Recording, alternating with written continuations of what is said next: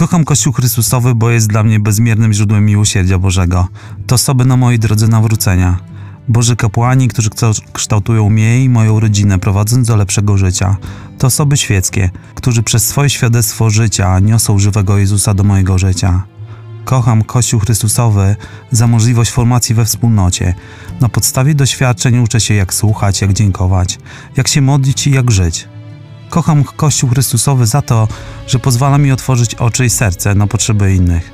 Kocham za to, że uświadamia mi, że nic ani nikt nie jest w stanie odsunąć mnie od bezmiernej mocy Bożego miłosierdzia. Uczę, jak przebaczać. Pokazuje mi, jak wielka jest moc Boża. Kocham za to, że pomaga mi widzieć w innym człowieku Boga, nawet jeśli ten ktoś chce sprawić mi przykrość. Kościół Chrystusowy poznaje jako tego, co tworzą go ludzie, nie słabi, lecz mocni, nie smutni, lecz radośni, nie pyszni, lecz pokorni, nie mszczący się, lecz miłosierni.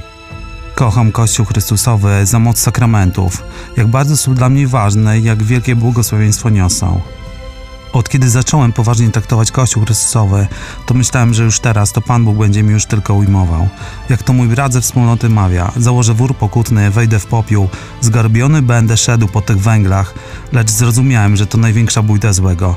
Dopiero teraz muszę dokupić sobie skrzydła i uczyć się latać, bo taka jest droga z Kościołem Chrystusowym.